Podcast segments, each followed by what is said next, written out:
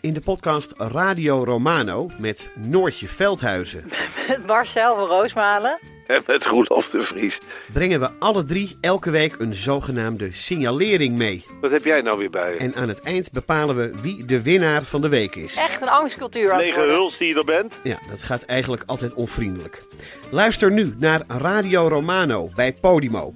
Via podimo.nl slash Radio Romano luister je 30 dagen gratis. De strijd om de miljoenen van Siewert van Liende is losgebarsten. Zowel de staat als zijn stichting eisen de mondkapjeswinst terug. Maar dat die opbrengst in ieder geval niet thuis hoort bij Van Liende, daarover kan toch eigenlijk geen twijfel bestaan. Hoe kon het zo ver komen? Dit is het. We hebben beet. En als Siewert het geld teruggeeft, kunnen wij dit schandaal dan eindelijk loslaten? Je hoort het in de Mondkapjesmiljonairs, exclusief bij Podimo. Ga naar podimo.nl slash mondkapjes.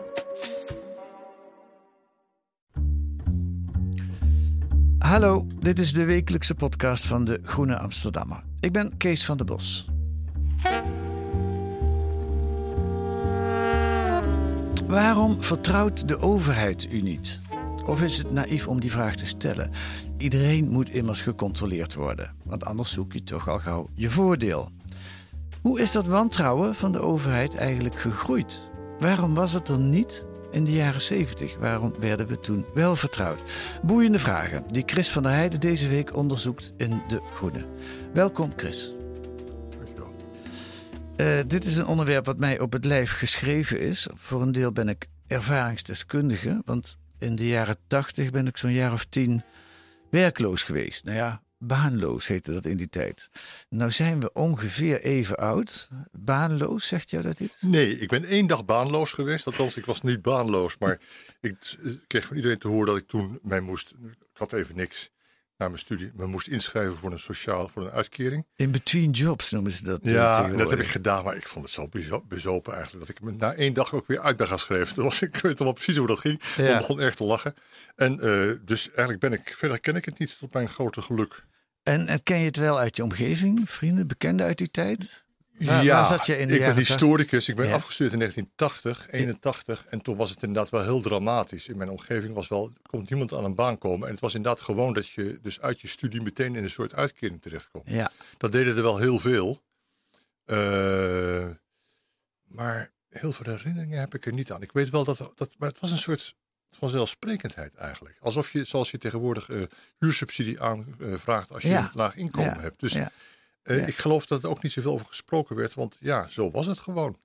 Mag ik je vragen om de microfoon nog wat dichter bij je mond hoor, te zetten? absoluut. Ja, dat klinkt beter. Ja, Hey, maar jou lukte het dus wel om aan een baan te komen in, in 1991. Nee, ik heb nooit een baan gehad. Ik, ben, eh, ik heb één baan in mijn leven gehad. Dat is de baan die ik nu heb, waar ik over een jaar met pensioen ga. Die heb ik een jaar of twintig geleden bij toeval gekregen. En verder ben ik altijd freelancer geweest. Oké. Dus eh, voor de Vrij Nederland, de NRC, eh, Groen Amsterdam komt pas later. VPRO, KRO enzovoort. En ik heb eigenlijk altijd heel goed mijn brood kunnen verdienen. Gek genoeg. Toen ik sinds ik een baan heb, verdien ik de beduidend minder. Maar het is wel wat rustiger.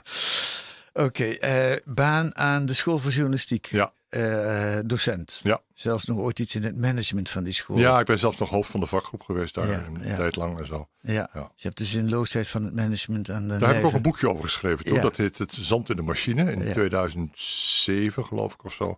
Dat ging eigenlijk over dat ik vond dat ik mijn eigen aanfluiting was geworden. Want als manager vond ik dus dat je vooral banen, dingen, werk moet verzinnen en geen werk te doen hebt. En ik ben een meubelmaker met woorden.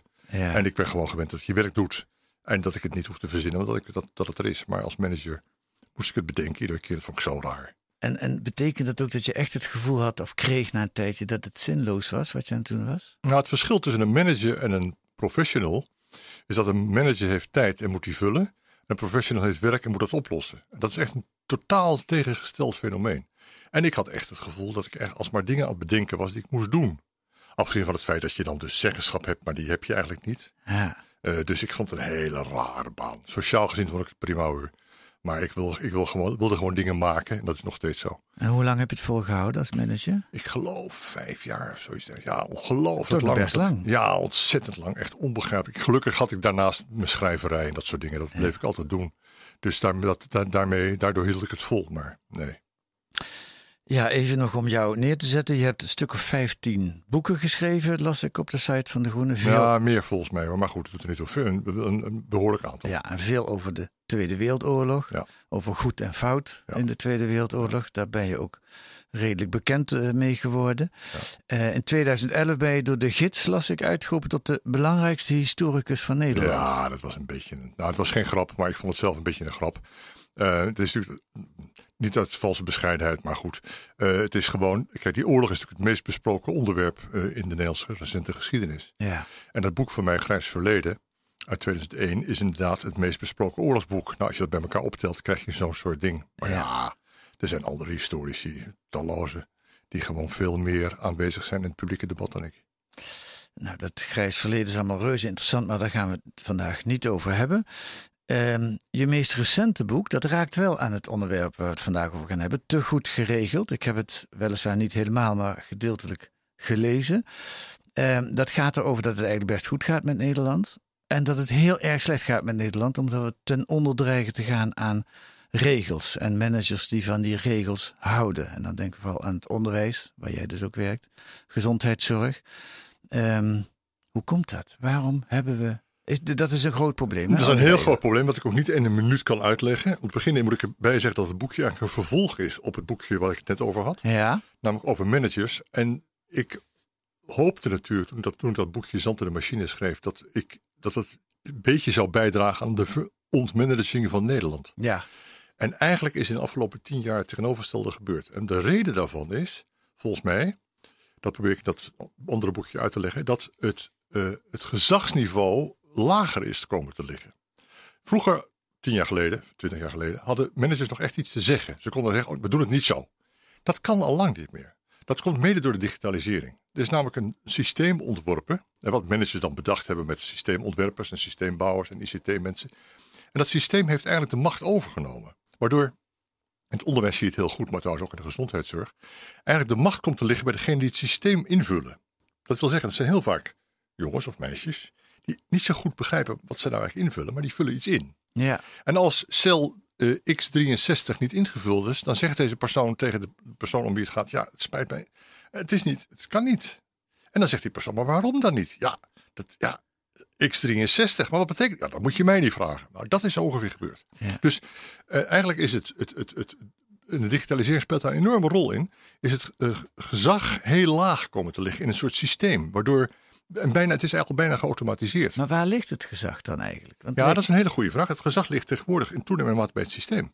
En het ge- het gekke is dat het boekje, ik- mijn gemopper over de regelcultuur, iedereen is het met me eens. Echt iedereen is het met me eens. Iedereen zegt, natuurlijk, je hebt groot gelijk, dat kan helemaal niet, wat belachelijk. Waarom doen we dat nou zo? professionals klagen ook steen en been hè, over het feit. Iedereen, iedereen klaagt erover. Dat, Ja. is al jaren en er gebeurt dus niks. Wat Waarom gebeurt er nou niks? Om de simpele reden dat niemand in staat is om er iets aan te doen.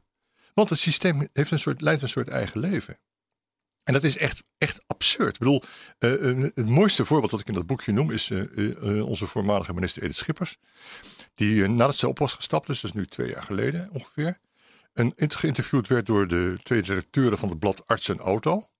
En die begonnen dus weer over artsen en verplegers. En ja, zei ze, eigenlijk is de enige oplossing de hele zaak uit het raam kieperen. Dus de hele regelcultuur.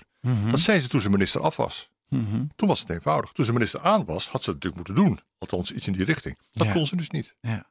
En toch is het onbevredigend ergens, Ja. hè, dat je zegt het, het systeem is de baas. Ja, het is zeer onbevredigend. Don't tell me. Het is heel onbevredigend, maar volgens mij is het wel zo. Het is, het, het, het- je moet je voorstellen, er zitten rond een tafel zitten zes eh hooggeleerde, eh, hoogopgeleide of hoog in de hiërarchie mannen en vrouwen. En die praten over een nieuwe implementatie, zo noemen ze dat ook, van een nieuw ICT-systeem. Daar zitten ook wat systeem, eh, ICT-bouwers bij. Die krijgen een aantal dingen te horen. Die gaan dat dan implementeren. Ja? Dan komt dat volgens, is dat geïmplementeerd. Dan staat dat in een scherm. En dan zegt iedereen, god, ziet er mooi uit, handig zeg, bla bla. Nou, en daarna is het verdwenen in de cloud. En leidt het zijn eigen leven. Ja.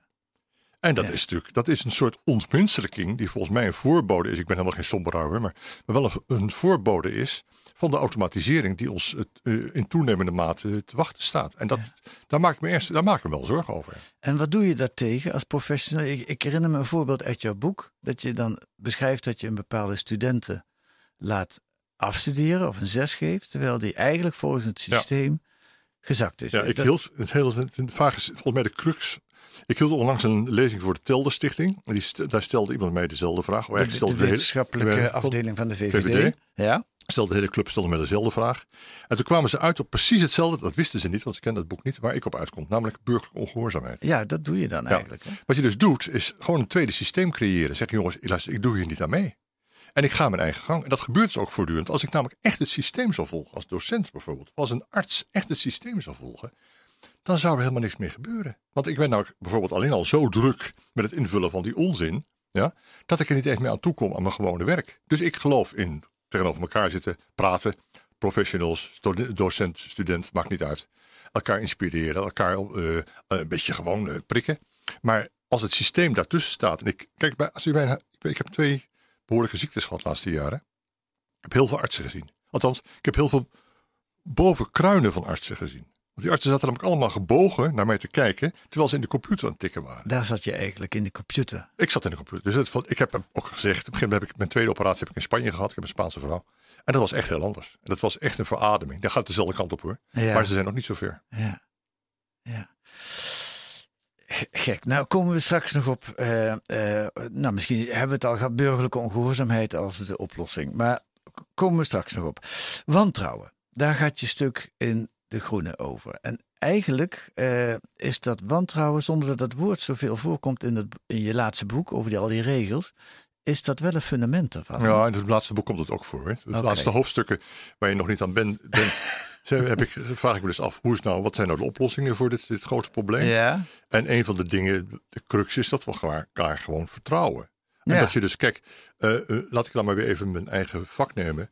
Waarom moet ik nou voortdurend al die formulieren invullen eh, en proberen tot een soort objectief cijfer te komen? Wat volgens mij in ons mijn vak, journalistiek of geschiedschrijving, volstrekte onzin is. Dat kan helemaal niet. Een objectief vak bestaat namelijk. Een objectief cijfer bestaat niet. En toch is er een soort systeem dat ik invul en dan, en dan is er en, en dan 12 criteria. Dan moet ik, tel ik het op en dan deel ik het door 10 of door 12 en dan kom ik tot een cijfer. Ja. Kleskoek. Gewoon kleskoek. Maar, maar waarom is dat nou? Omdat men eigenlijk denkt dat ik niet in staat ben om eerlijk te zijn. Dat komt bijvoorbeeld onder meer, dat beschrijf ik in dat boekje ook, door die in Holland affaire. Ja. Hè, waarbij Ja. echt gesjoemeld werd. En natuurlijk, en dan gaan we ook op het onderwerp waar ik dat stuk nu over schrijf. Natuurlijk wordt er gesjoemeld. Ja. Door 1, 2, 3, een paar procent van de bevolking. Alleen, dat is geen reden om die andere 96, 97 procent ook zo aan te pakken. En dat is wat er gebeurt. En dat is wat die regelcultuur doet. En dat is wat er ook precies wat ik in het stuk beschrijf. Hoe men aanvankelijk dus in de jaren 60, 70, 80 ja, de bevolking vertrouwde. En er was een betrouwbare overheid. En die ging uit van een betrouwbare bevolking. En dat is ergens in de jaren 90 de klad ingekomen. En daar is het fout gegaan. En toen is het, het, het omgeslagen, om het maar zo te zeggen. Laten we nog even zeggen, teruggaan Ja. naar de tijd dat er nog niet de klad in zat. Ehm, in de jaren tachtig, daar hebben we het in het begin even over gehad, daar hoorde ik zelf bij, kwam er een nieuw soort werklozen op. Eh, Bo Baden, beter bekend als Bingel, is een werkloze Amsterdamse onderwijzer. En die verwoordde in een documentaire van het VPRO-programma OVT van twee jaar geleden de situatie in de jaren tachtig als volgt. In 1980 eh, studeerde ik af als onderwijzer op de PABO in Arnhem. Maar er was toen een enorme werkloosheid. Eh, dus ik ben toen in de werkloosheid terechtgekomen, de WW. Dat vond ik helemaal niet erg. Toen ben ik meer eh, het actieleven ingestapt. Eh, in de jaren 80 was er van alles aan de hand. Woningnood, eh, kernenergie, kerncentrales. als je daar indook in die wereld... dan had je op een gegeven moment eigenlijk helemaal geen tijd meer om, te weer, om een baan te hebben. En dan kwam ik thuis wel eens uitblazen op familiefeestjes... en dan vertelde ik waar ik allemaal druk mee was. En er was toch vaak de neiging om te zeggen... zo, ehm, interessant, maar eh, weet je wat? Als ik, als ik ergens tegenaan loop voor een baan, dan, dan tip ik je wel. Dat stak mij ergens en ik dacht, waar ligt dat nou aan? En toen kwam ik er zelf achter dat iedereen is eigenlijk doordrenkt van het idee... dat alleen betaald werk maakt jou een volledig mens. En doe je dat niet, ben je werkloos of jong of bejaard... dan ben je eigenlijk een tweederangs burger, dan tel je eigenlijk niet mee. En daar werd ik nijdig over, want ik dacht, dat is natuurlijk ook maar gewoon een idee. En dat idee kan je aanvallen. En waarom is arbeid zo heilig? Als je ziet hoeveel mensen ziek worden van arbeid. Toen, na een aantal maanden broeien, dacht ik... ik ga een bond oprichten tegen het arbeidsethos. de NBTA. De Nederlandse Bond tegen het Arbeidsethos was dat. Eh, en Bingel was de oprichter van die uh, bond. Dat is ook een vorm van burgerlijke ongehoorzaamheid. Ja, zeker. Met, met één problematisch kantje wel. Dat namelijk degene die werken uh, moeten zorgen dat deze persoon kan doen wat hij wil doen. En dat is wel, dat is wel lastig. Dat werd ook vaak tegen mij gezegd in die jaren. Ja. ja. ja. Maar, ja maar weet je wat ik dan terug zei? Er zijn al een miljoen werklozen. Er zijn heel veel andere mensen die wel graag een baan willen. Laat mij maar even met rust. Dan kunnen die andere mensen die banen nemen. Ik begrijp dat je dat zegt en ik ben het voor een deel van met je eens. Maar het is wel. Ik denk dat er toch ook wel heel veel mensen ook destijds uh, een baan hadden uit een soort plichtsgevoel. En ook wel graag andere dingen zouden doen. Zeker. Maar ja. um, uh, in zekere zin is het natuurlijk waar. Hè? Het is natuurlijk onzin dat je pas volledig mens wordt als je een betaalde baan hebt. Hm. Uh, het is ook wel zo dat in een, en daarom ging het dus ook fout in de jaren tachtig, dat als er dus heel veel mensen geen betaalde baan hebben, dat het systeem het niet kan trekken. En daar zit ergens natuurlijk een spanning en daar is het ook fout gegaan. Ja. Wacht even, wat zeg je? Als nou, als, als er gewoon, als kijk, waarom ging het fout in de jaren tachtig? Omdat gewoon te veel mensen werkeloos waren. Dus dat te weinig mensen, wat er met pensioenen nu ook terecht te gebeuren, te weinig mensen moeten werken voor zoveel. En dan, ga, dan, dan, gaat het gewoon niet. Ja. Dat kan een rijke samenleving. Dus waarom ging het nou goed met die, met die uitkeringen tot in de jaren 80, omdat er niet zoveel werkelozen waren. Dat was natuurlijk ook, zijn we in de uil, de jaren 60, is allemaal waar natuurlijk. Ja. Er zat ook een hele praktische kant aan. Namelijk gewoon dat het betaalbaar was. Ja. En toen het onbetaalbaar werd in de jaren 80, ja, toen zag je de wind draaien. Ja. En dat heeft een simpele economische verklaring. Dat is wel grappig. Maar het kreeg een ideologische onderbouw, die, die, die economische verklaring. In de zin van uh, dat ook anders naar werklozen werd gekeken. Dus in de jaren zeventig was, was je werkloze nog een soort slachtoffer. Het systeem kon jou niet helpen. En in de jaren tachtig werd je een profiteur. Ja, dat klopt. Dat klopt. Uh, nou ja, dat, kan je, dat, dat, dat, dat, is, dat is misschien een pleidooi voor een soort marxistische vorm van redeneren. Waarbij zeg maar, de economie ja. toch bepaalt hoe de mentaliteit in elkaar zit. Ja. En ja. dat is wel raar. Maar ja, ik bedoel, het ging in Amerika uh, ging het ook helemaal fout. Uh, nog veel fouter. We liepen op een gegeven moment daar 5 miljoen mensen in de, in de welfare. Ja, dat was gewoon natuurlijk niet, niet, niet op te brengen. Ja. En als het al op te brengen was, le levert het in ieder geval zoveel maatschappelijke spanningen op. Dat dat al, ook alweer een probleem was. Dat ja. gebeurde in Nederland trouwens ook. Maar wat er gebeurde is dat tot in de jaren tachtig werd je als uitkeringstrekker nog vertrouwd. Ja. door de overheid. En je noemt als een van de keerpunten in dat vertrouwen de voordeurdelersregeling. Uh, dat moeten we even uitleggen, want dat snapt geen mens. Ja, dat was, uh, dat is. De gedachte was, kijk, begin jaren tachtig kwamen er steeds meer werkelozen. Toen begon de zaak te schuiven. Ja. En uh, eigenlijk vonden de meest, de bepalende ambtenaren en de bepalende instanties en ook zelfs de ministeries nog steeds dat wij gewoon moesten zorgen. Het was een verzorgingsstaat hè, voor de burger die het moeilijk had. Uh, maar het begon te draaien. Uh, Lubbers kwam aan de macht. Er kwam een andere sfeer. En toen zei men op een gegeven moment: ja, oké, we houden die, die uitkering houden we zo. Maar kijk, als je met z'n tweeën woont, heb je minder nodig dan wanneer je alleen woont. Je hebt maar, bijvoorbeeld maar één keer te stoken, om iets te noemen. Dus als mensen met z'n tweeën wonen en ze hebben twee keer een, een uitkering, ja, dat is eigenlijk niet zo rechtvaardig. Toen kwam de zogenaamde voordeursdelersregeling, waar dus gezegd werd: als je samen een voordeur deelt, krijg je minder. En toen kregen Ja. we al het gedoe over die tandenborstels. Ja, Waarbij dus, eh, althans in de beeldvorming, mensen, eh, tanden, eh, eh, inspecteurs je huis binnenkwamen te kijken of er één of twee tandenborstels in de badkamer ja zo'n regeling roept dat, die controle op. Hè? Als je zo'n regel maakt, dan moet je hem ook controleren. Ja. Hoe controleer je dat? Of mensen samenwonen? Staan er hoeveel Het tandenborstels is overigens er? bijna nooit gebeurd hoor. Dat is heel grappig, dat wist ik dus niet. Ik had dus het gedachte dat het heel veel gebeurd was. Ja. En toen ben ik gaan kijken en ik heb in de kranten gezien. En eigenlijk wordt het voortdurend genoemd. Maar vooral om te ontkennen dat het gebeurt. Ja. Heel zelden ging men al zover. Dat, daar moest nog iets anders voor gebeuren. Dat zijn we in de jaren 90. Maar in de jaren 80 zie je dus de mentaliteit omslaan. ja. Maar het beleid verandert nog niet zo erg. En wat er gebeurt bij het opslaan van het beleid, en daar heb ik ook wat fragmenten van, is dat eh, fraude ineens opkomt. Eh, de, uitkeringsrechten werden niet alleen gewantrouwd, het werd ook eigenlijk common sense dat er op grote schaal misbruik werd gemaakt van die uitkeringen. Hier zijn wat fragmenten van begin jaren negentig.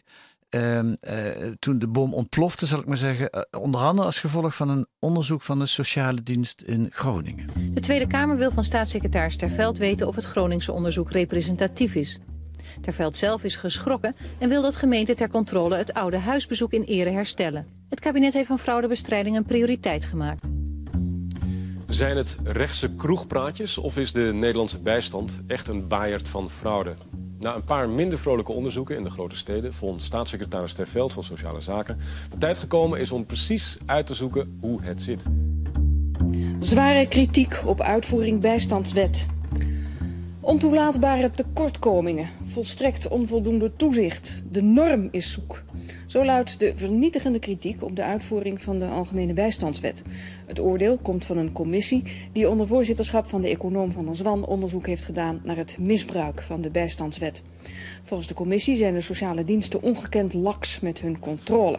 De commissie schat dat bij tenminste een kwart van alle gevallen sprake is van fraude. In 1992 is er bijvoorbeeld 50 miljoen beschikbaar. Daardoor kan er één sociale rechercheur op 1000 uitkeringsgerechtigden worden aangesteld. In 93 komt er meer geld, 55 miljoen. Dat levert één rechercheur op op 750 uitkeringsgerechtigden. Eén politieagent of één rechercheur op 750 uitkeringsgerechtigden. Nou is mijn grote vraag, uh, en ik hoop dat jij die gaat beantwoorden. Uh, is het nou louter een omslag in die ideologie? Of is het waar wat er in al deze berichten gezegd wordt, dat het een totaal zootje was met die uitkering. Ja, om te beginnen, de omslag in de ideologie is eigenlijk al eerder. Die is al in de jaren tachtig geweest. Dan zie je altijd dat het verandert. Alleen de beleids, het beleid verandert nog niet, omdat men niet zo goed weet hoe het moet en omdat er ook te veel weerstand is. In de jaren negentig verandert ook het beleid. Ja, dat Groningse onderzoek, ik beschrijf het uitvoerig in dat stuk in De Groene. Ja. Uh, was aanvankelijk onder 78 uh, gezinnen in drie wijken in Groningen. Dus het was een volstrekt onbetrouwbaar onderzoek. Waarom onbetrouwbaar? Nou ja, dat is geen 78 is, als je iets van statistiek weet, op 78 kan je niks zeggen. Dat mag je niet doen. Dat is een steekproef en meer is het niet. Ze hebben misschien dan drie straten uitgezocht. Ja, zoiets. Of er zijn allerlei, allerlei dingen te bedenken waarom dat niet betrouwbaar is. Het ja. onderzoek van de Zwan, ja. wat in het verlengde hiervan lag, wat ook ja. net genoemd werd in dat fragment. Ja. Dat is veel groter. En uh, uh, dat komt tot een wat lager percentage. In Groningen kwam er uit iets van 35 procent. En in dat onderzoek van de Zwan 25 geloof ik. Wat ook nog steeds een hoog percentage. Wat een enorm percentage is. Daar was ook heel veel kritiek op. Um, of die kritiek terecht is, weet ik niet zo goed. Ik heb het onderzoek niet gezien. Ik heb het wel gezocht, maar ik heb het niet kunnen vinden. Het ligt ergens in een archief, een rechtsarchief, maar dat is, te, dat is me te moeilijk. Dat, dat, dat zou wel kunnen, maar dat kost me denk ik een half jaar. Mm -hmm. uh, of dat cijfer klopt, kijk, eigenlijk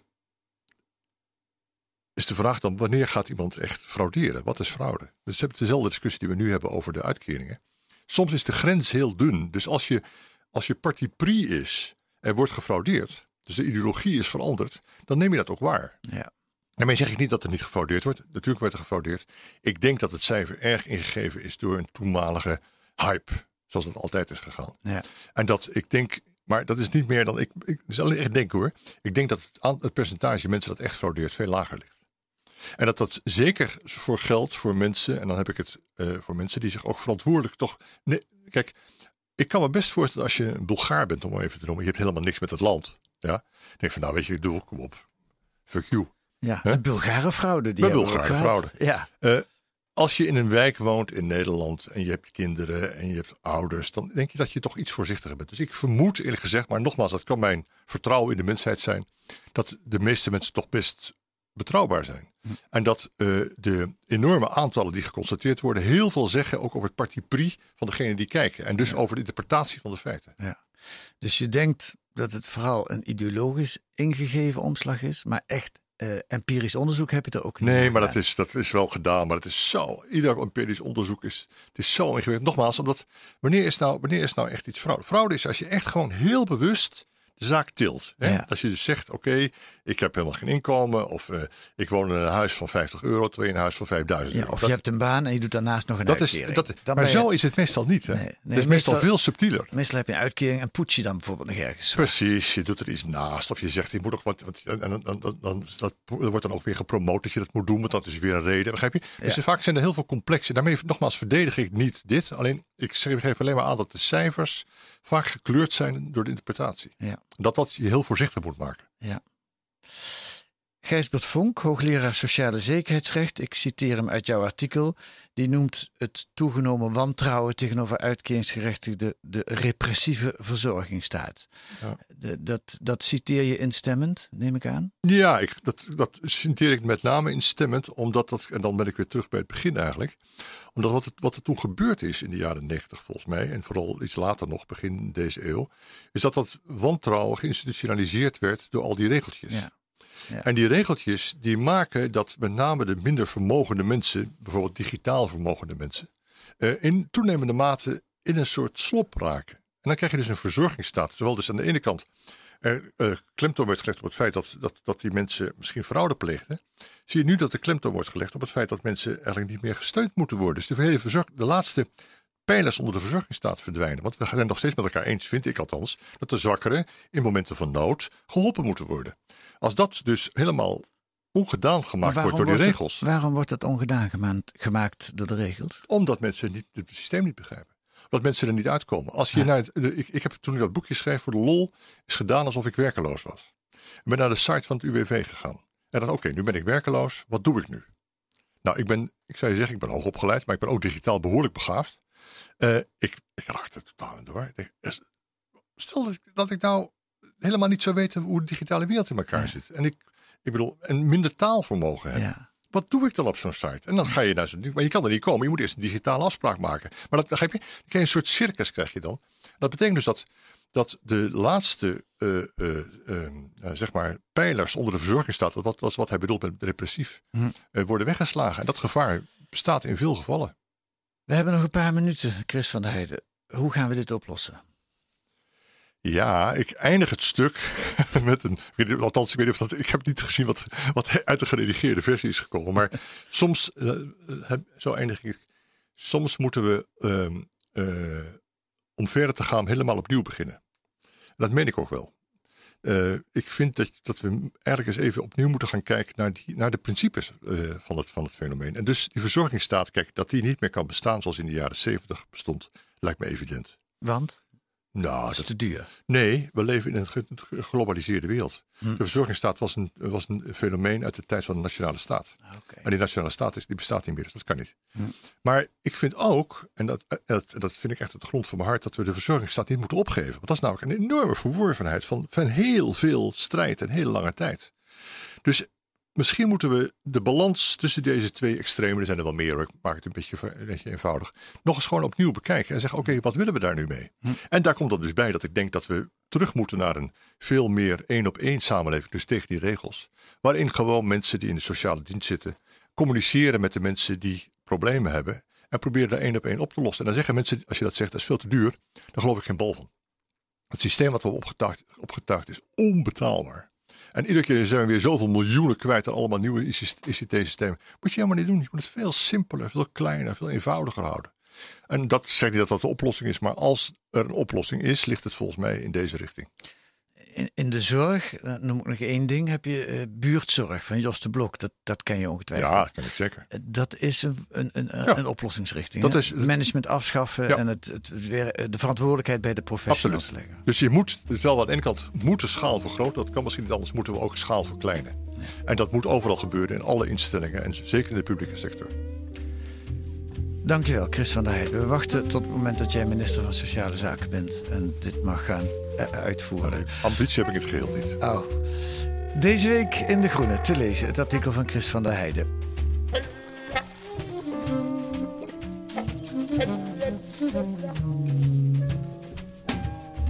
En verder een special over Friedrich Nietzsche, de eeuwige terugkeer van de filosoof met de hamer. En een reportage over het Franse onbehagen. Waar komt de woede van de gele hesjes en de pensioenstakers vandaan? Allemaal te lezen in De Groene met een abonnement of een proefabonnement. Ga naar groene.nl. En volgende week zijn wij er weer met analyses en achtergronden bij het nieuws in deze podcast van de Groene Amsterdammer. Als u naar ons luistert via een app op uw telefoon, en dit is een huishoudelijke mededeling, dan kunt u ons ook beoordelen met sterren. En daarmee helpt u ons aan nieuwe luisteraars. Dus als u dat wilt doen, dan zijn we daar blij mee. Deze week werd de Groene Podcast gemaakt door Tobia Palm. Rosa moet ik jou ook uh, noemen. Je hebt ook aan meegewerkt, hè? Hoe heet je met je achternaam? Rosa Uiterwaal en Kees van der Bos. En de muziek is een tune voor N van Paul van Kemenen.